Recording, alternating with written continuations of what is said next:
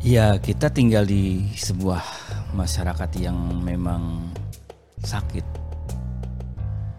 Ketika ada orang yang mengaku nabi dan menghina nabi yang dipercaya oleh masyarakat, kita langsung uh, membencinya, langsung memaki, menghujat, kalau bisa menghukum ramai. Begitupun ketika ada mualaf ya. Mualaf itu adalah orang yang baru masuk Islam terlalu semangat dan akhirnya juga menceritakan hal-hal yang buruk tentang agama lama dia, kita pun terpicu untuk ramai. Kita ini gampang banget dipancing untuk ribut senang berenang di dalam kekeruhan. Orang yang mengaku nabi juga nggak merasa ia menghina, ya. Ia tidak merasa sedang melakukan penistaan terhadap agama.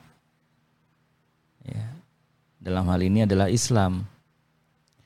Dia berkelit bahwa ini adalah kebebasan berekspresi yang dilindungi oleh undang-undang.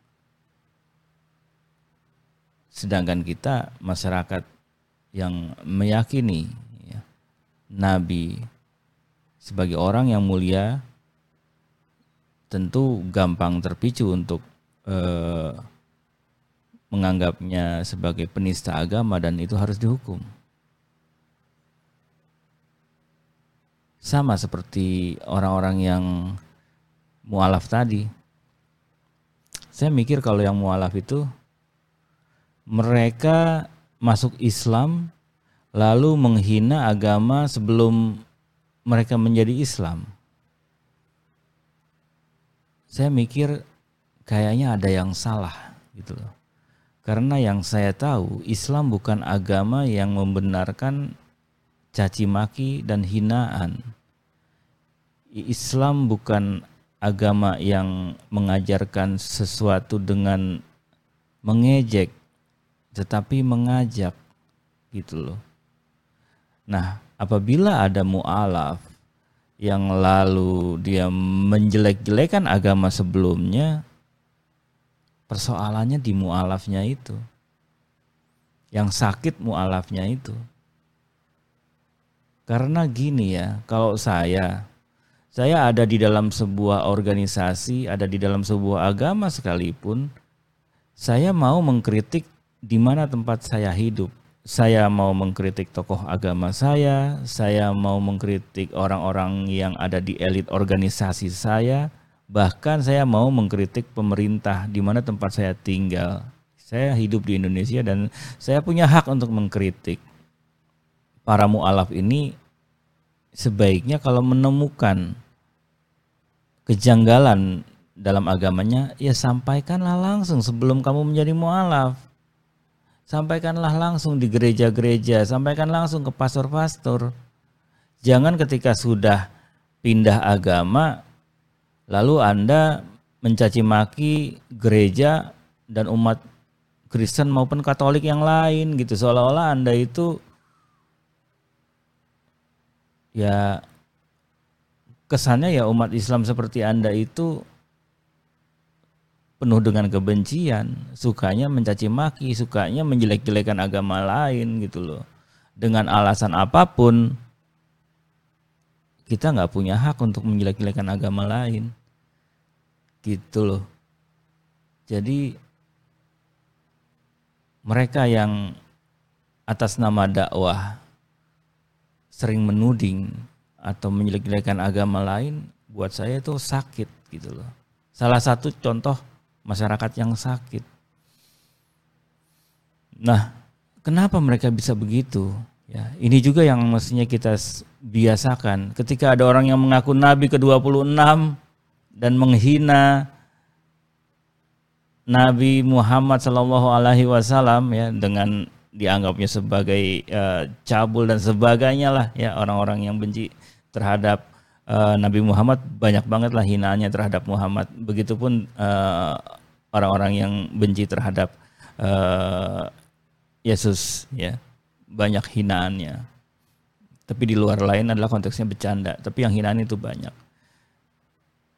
Ya kita mestinya terbiasa untuk bertanya kenapa dia bisa melakukan seperti itu? Kenapa dia bisa punya pikiran seperti itu? Kenapa dia punya anggapan yang buruk terhadap nabi kita apa yang membuatnya begitu? Ya. Sebaiknya kita bertanya demikian ketimbang kita langsung uh, reaktif menghujat bahkan kalau bisa mempersekusi persekusi gitu kan.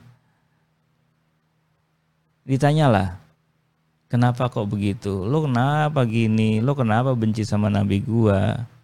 Lo kenapa benci sama agama gua? Ya ditanya aja. Kan setiap orang punya alasan.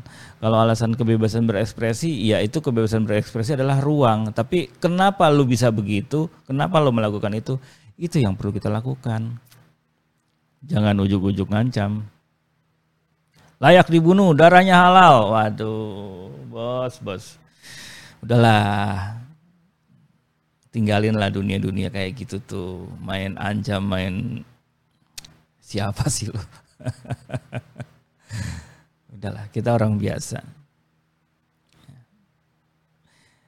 Ya kalau kita telusuri ya disadari atau tidak orang yang mengaku nabi ke-26 dan menghina eh, nabi Muhammad atau nabi ke-25 menurut bahasanya adalah orang yang mengalami trauma pada masa kecil dia ceritakan sendiri ketika diwawancara oleh salah seorang jurnalis ya dari media betapa dia tuh benci ketika uh, masa kecilnya itu sering dibully, didiskriminasi ya karena dia etnis yang minoritas ya seperti itu dan itu menjadi trauma. Ya, traumanya udah makin parah karena mengalami ketika remaja dan sebagainya apalagi dengan cara dakwah dia yang frontal ya ya uh, itu menumbuhkan uh, mentalitas dia untuk melakukan apa yang sekarang dia lakukan.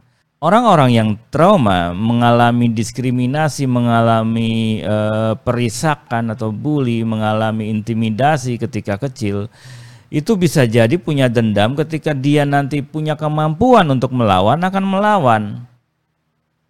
Nah, itu yang dilakukan ketika dia merasa sanggup untuk bicara ya, menumpahkan kebenciannya terhadap orang-orang lama yang pernah menindasnya, maka itu pun dia lakukan, maka dianggaplah umat Islam seburuk itu.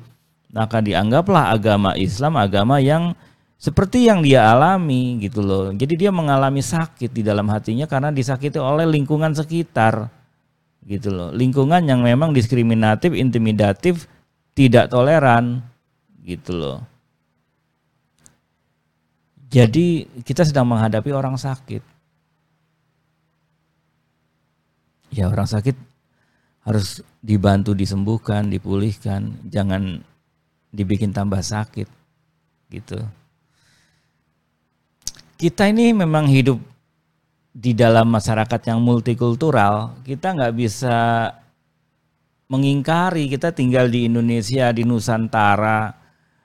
Sejak dulu sudah ada orang Cina di sini. Sejak dulu sudah ada orang Arab orang India ya di sini ya. Nggak cuman orang Jawa orang Sumatera orang Borneo orang Bugis orang Papua dan sebagainya.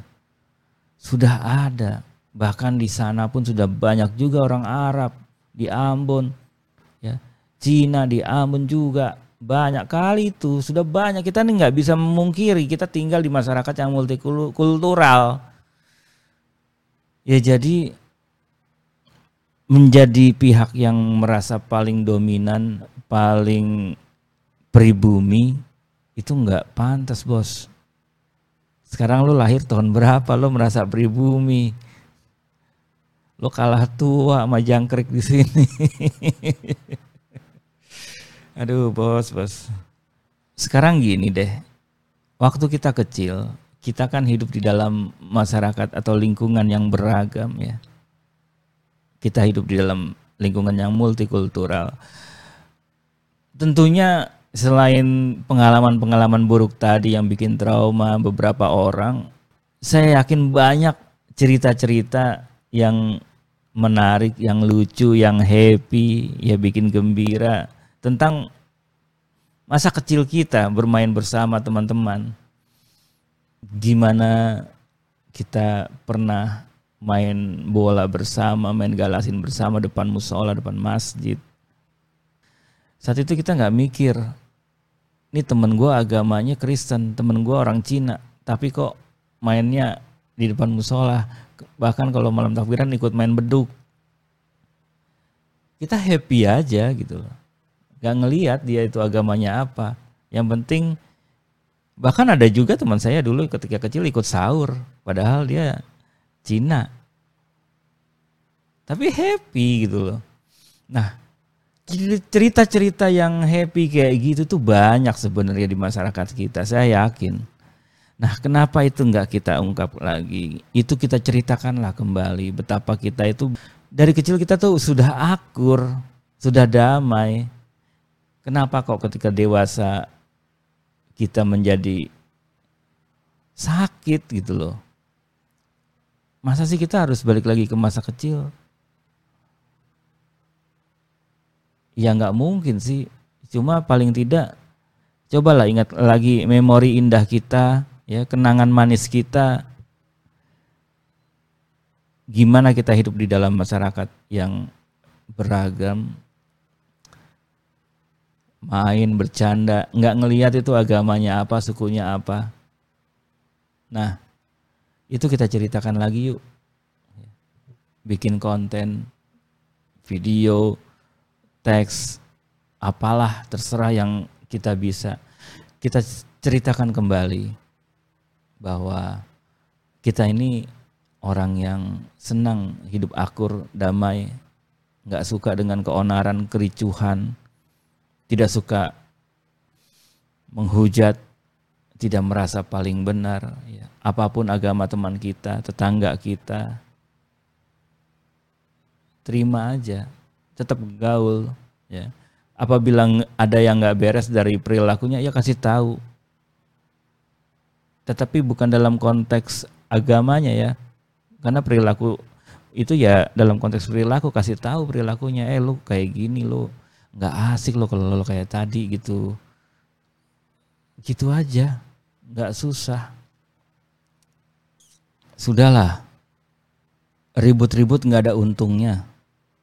Orang yang menghujat agama orang lain itu buruk apa sih hasilnya orang yang menghujat Nabi Muhammad itu segala macam keburukannya apa keuntungannya? Kepuasannya apa? Hanya ya sekedar menghujat, melampiaskan kebencian, merasa benar. Cuma itu lo nggak dapat apa-apa. Kepuasan lo tidak membuat lo tuh lebih baik, tidak membuat lo lebih wise, tidak lo tidak membuat lo itu terhormat dan dihormati sama orang-orang yang suka dengan kedamaian. Oke, udahlah sakitnya, sembuhlah. Udah terlalu lama kita tinggal di dalam lingkungan yang sakit.